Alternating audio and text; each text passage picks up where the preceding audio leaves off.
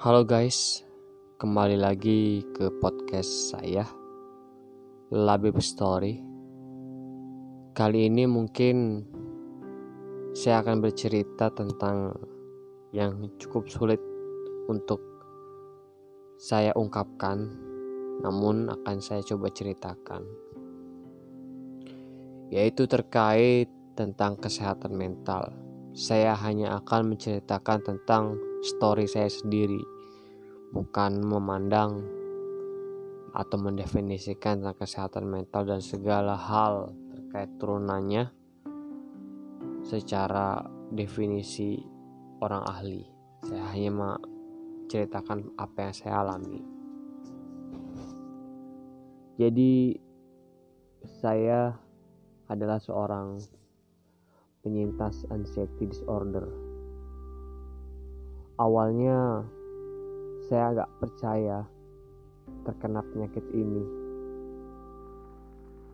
Bermula di saat ketika saya terkena GERD atau gangguan lambung yang membuat asam lambung naik.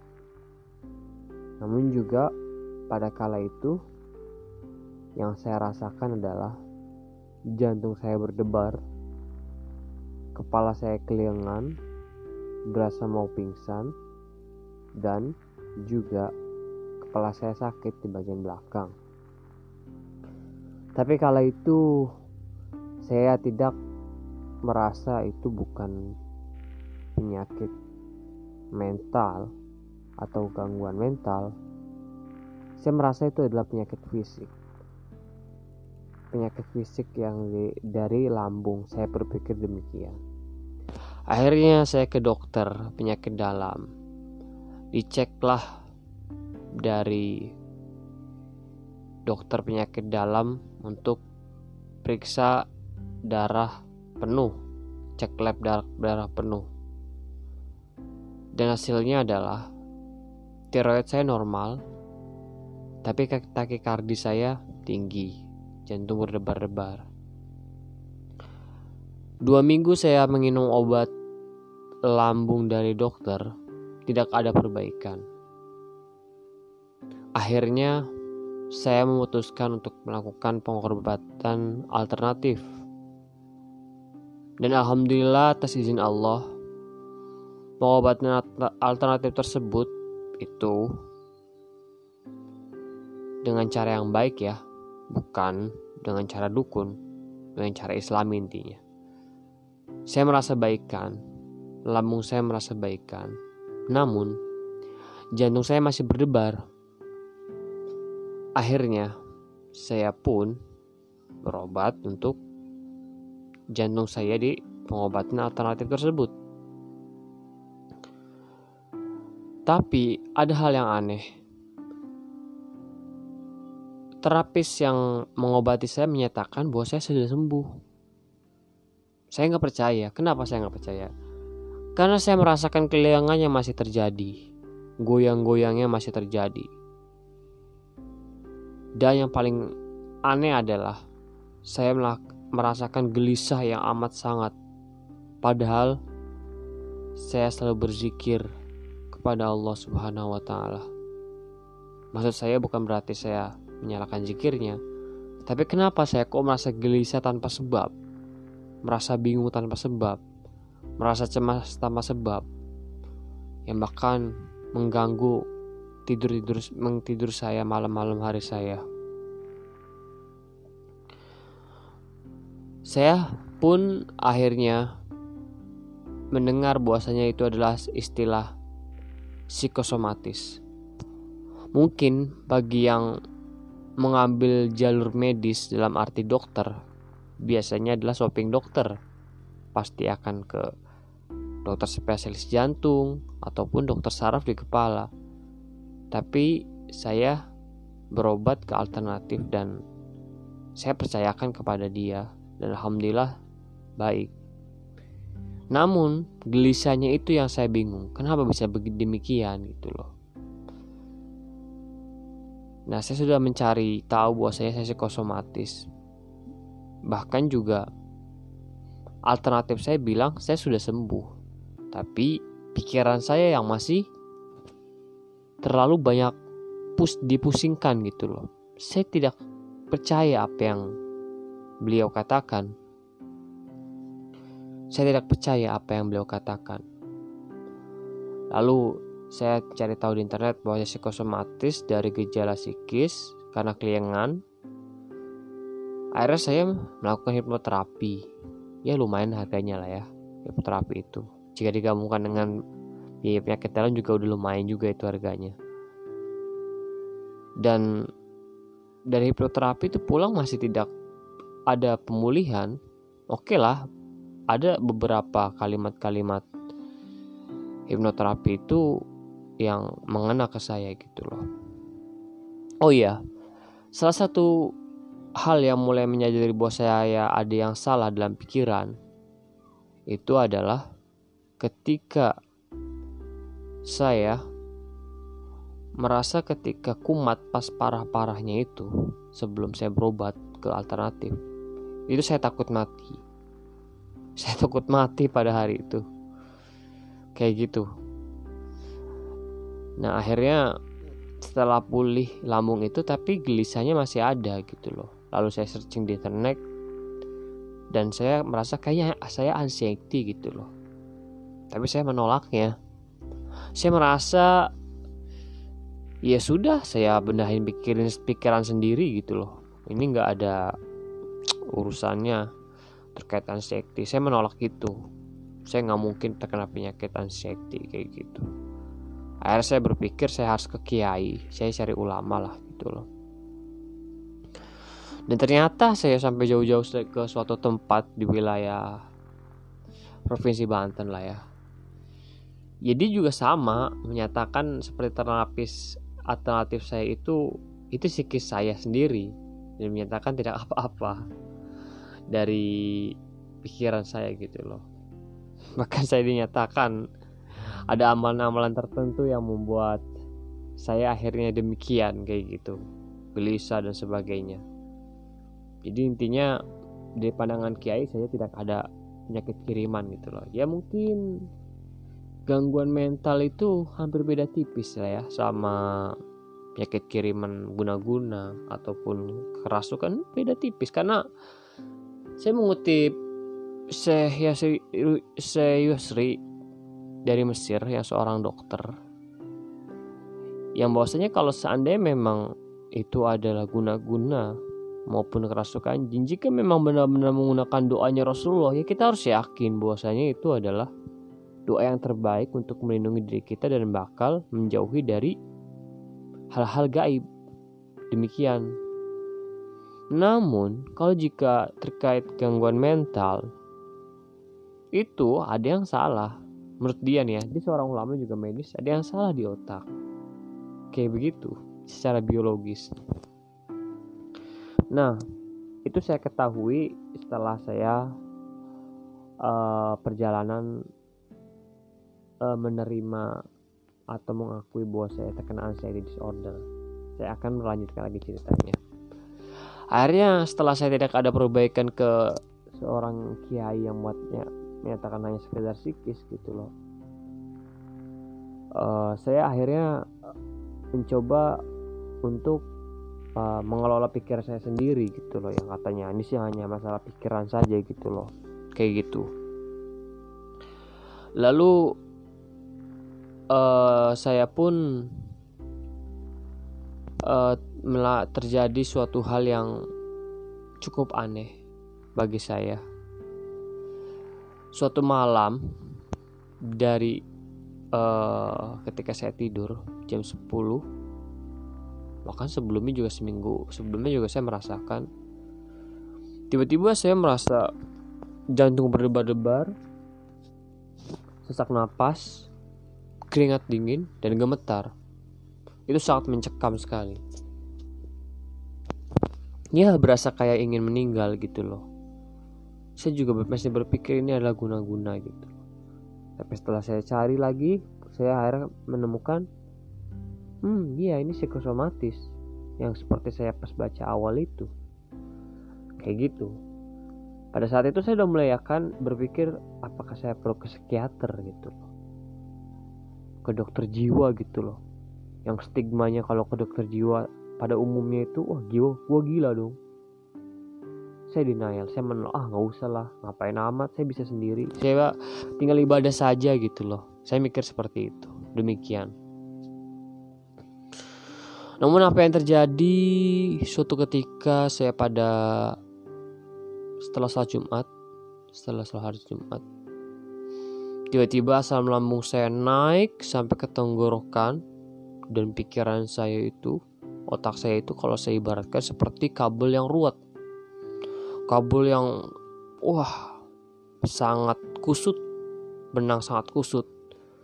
Saya seolah-olah kehilangan diri kebingungan, linglung, rasanya tidak enak sama sekali.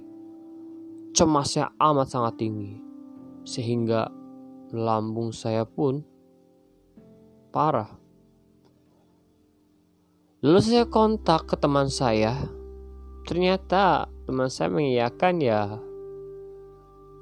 gejala itu adalah gejala lambung dan gejala anxiety karena ada gelisah itu, ada psikosomatis itu. Teman saya membenarkan itu gitu loh. Namun dua teman saya itu pulih bisa tanpa obat. Bahkan mereka pun sudah swapping dokter kalau mereka berdua ini. Ya saya pun bertekad untuk tidak pakai obat gitu. Lalu saya dikasih sebuah link YouTube sebuah motivator GERD anxiety saya baru tahu setelah itu. Oh, itu namanya adalah GERD anxiety jenis penyakitnya. GERD-nya adalah masalah lambung fisik, anxiety adalah masalah psikis. Jadi ada istilahnya adalah gun breath axis atau poros pencernaan lambung usus dengan otak. Saya baru tahu setelah saya mencari tahu. Lalu akhirnya ketika gara-gara suatu itu hal yang parah klimaks itu saya berobat lagi ke alternatif dan dia nyatakan ini dari pikiran. Maka akhirnya suatu ketika saya terlalu bolak-balik dan dia menyatakan ini kamu pikiran saja katanya. Lah masalah lambung kamu tinggal makan gitu loh. Tapi saya cemasnya itu udah seminggu bayangkan bagaimana rasa cemas. Kalau cemas yang hanya sekedar mau tampil itu wajar. Tampil gitu loh gugup. Mau tampil di depan publik mau nikah. Tapi ini cuma saya kepala saya tegang seperti kabel kabel yang ruwet itu. Dan itu berhari-hari. Dan saya sudah melakukan ibadah sholat lima waktu yang dalam arti lebih maksimal. Saya melakukan sholat lima waktu alhamdulillah dalam arti maksimal itu dengan satu waktu di, di masjid. Lima kali sehari di masjid full. Itu hampir sebulan ya. Saya uh, berobat. Eh, uh, maaf maksud saya saya sholat sholat di waktu dan saya baca Al-Qur'annya lebih intens bukan sehari sekali tapi setiap sholat. Namun cemas itu tidak hilang. Dan karena semakin parah dan parahnya lagi adalah ketika saya tegang ada intrusif intrusif thought yang saya akan menceritakan di sini. Intinya adalah mengganggu pikiran saya, ada pikiran negatif. Pikiran yang mengganggu saya, menyiksa saya sekali. Jadi, ya bisa dikatakan ada pikiran-pikiran yang tidak baik lah. Mengarah hal-hal yang tidak baik lah. Di situlah saya menyadari saya butuh profesional. Saya butuh ke psikiater dokter jiwa. Itu sudah jalan yang menurut saya adalah yang terpaksa dan akhirnya kok saya keluarga saya mendukung. Akhirnya saya ke psikiater saya menceritakan semuanya bahwasanya saya cek lab baik yang pasti di penyakit dalam itu setelah baik dan ya sudah. Akhirnya saya mau obati terapi obat ke psikiater Nah untuk lambungnya, saya disarankan teman untuk melalui herbal. Jadi saya mendapatkan informasi dari teman itu terkait motivator great anxiety yang sudah pulih total recovery itu adalah 4P. Pola pikir, pola makan, pola hidup dan perbaikan perilaku. Oke lah saya menjalankan semuanya. Saya menjalankan semuanya, yaitu pola makannya saya jaga 3 jam 4 jam sekali pas lagi para-paranya lambung itu makan saya hanya bubur nasi lembek dan tahu pokoknya yang dilarang seperti kafein, coklat, kacang dan sebagainya yang dilarang penyakit lambung itu saya nggak makan sama sekali. Lalu untuk psikisnya karena emang udah parah ada intrusive thought gitu pikirannya negatif yang tidak baik lah. Yang sangat menyiksa diri saya pik sendiri jadi saya kayak bertarung sama pikiran. Itu uh, membuat saya butuh obat psikiater gitu loh. Kayak gitu dan akhirnya setelah saya menjalani berobat sebulan itu cemasnya masih ada loh. Padahal sudah berobat sebulan. Saya lihat sholat lima waktu di masjid selama sebulan awal itu. Saya nangis kepada sang pencipta apa penyakit ini? Kenapa rasanya tidak enak? Penyakitnya tidak kelihatan gitu oke lah kalau lambung kelihatan. Ketika misalkan asam lambung naik itu kelihatan gitu loh. Berasa gitu kan itu kembung dan sebagainya.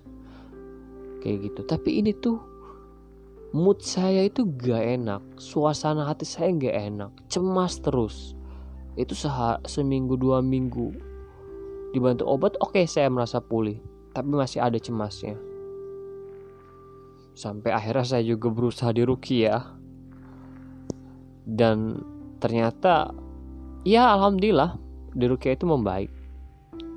Tapi saya berpikir ini gangguan biologis yang memang perlu obat.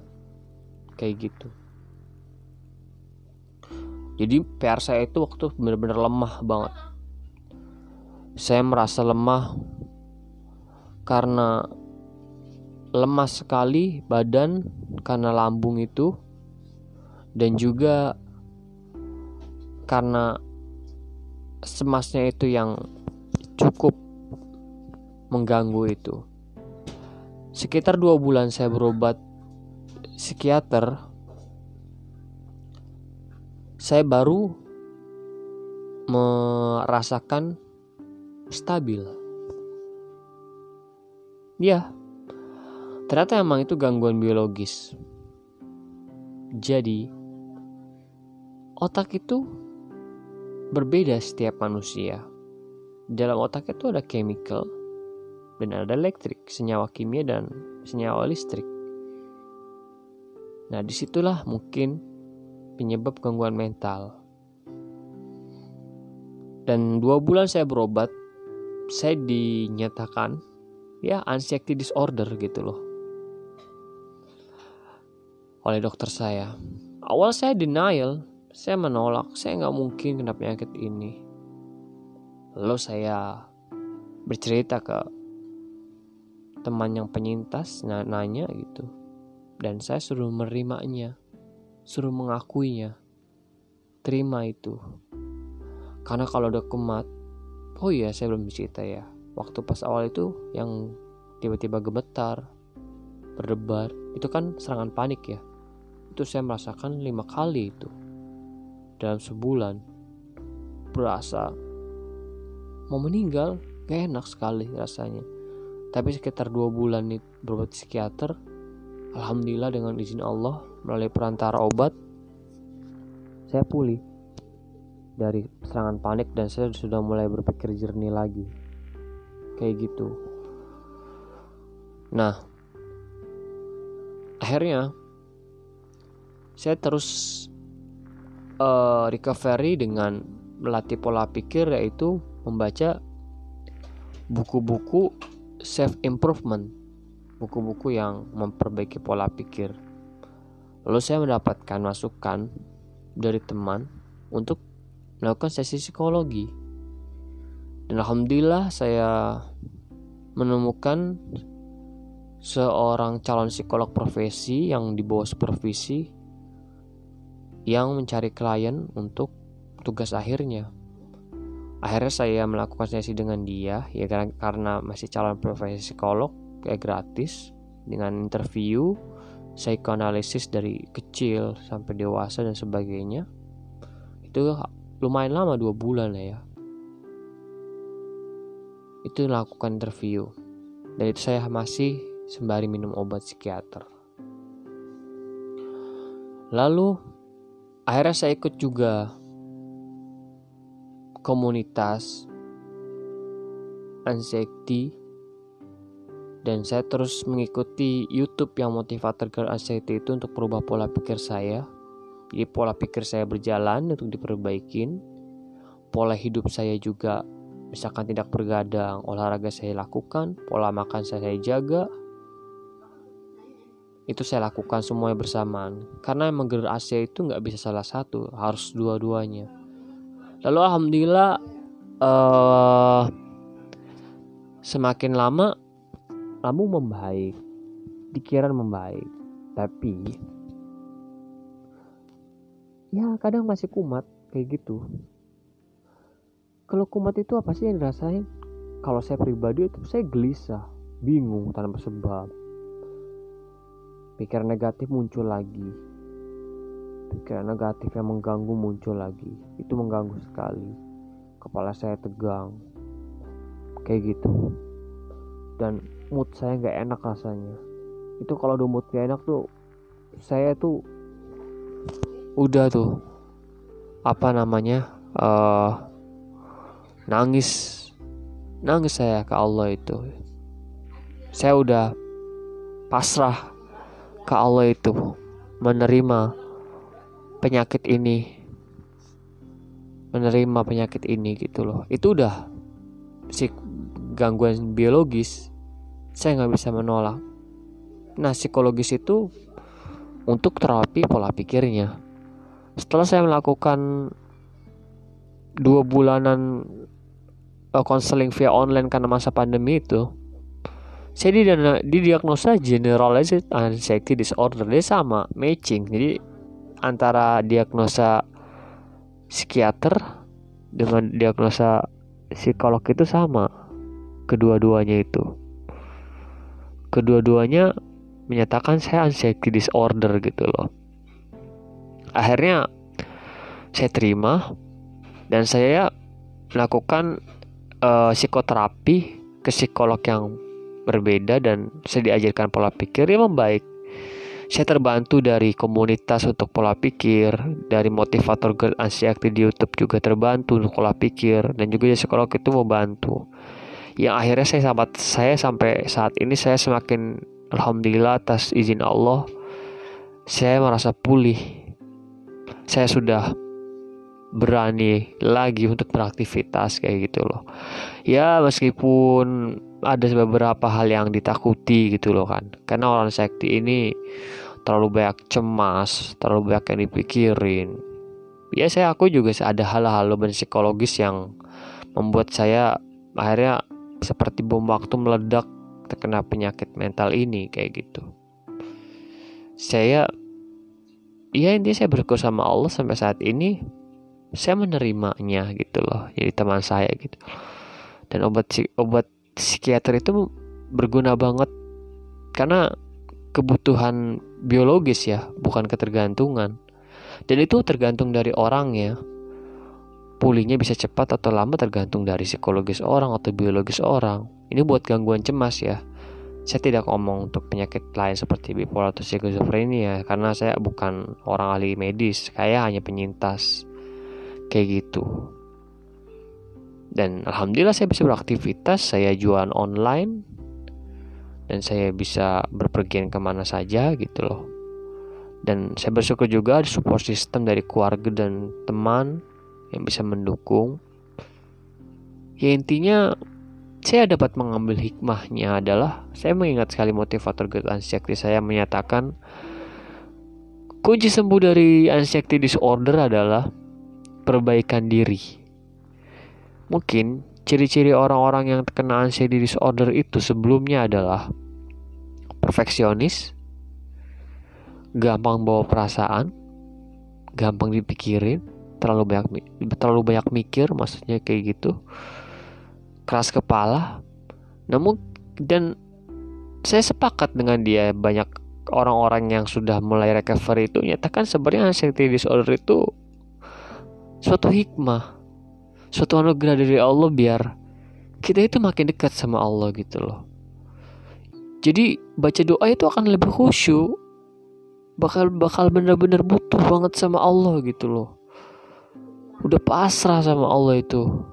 Pasrah dengan sepasrah pasrahnya sama Allah di situlah benar-benar berasa dekat sama Allah gitu loh.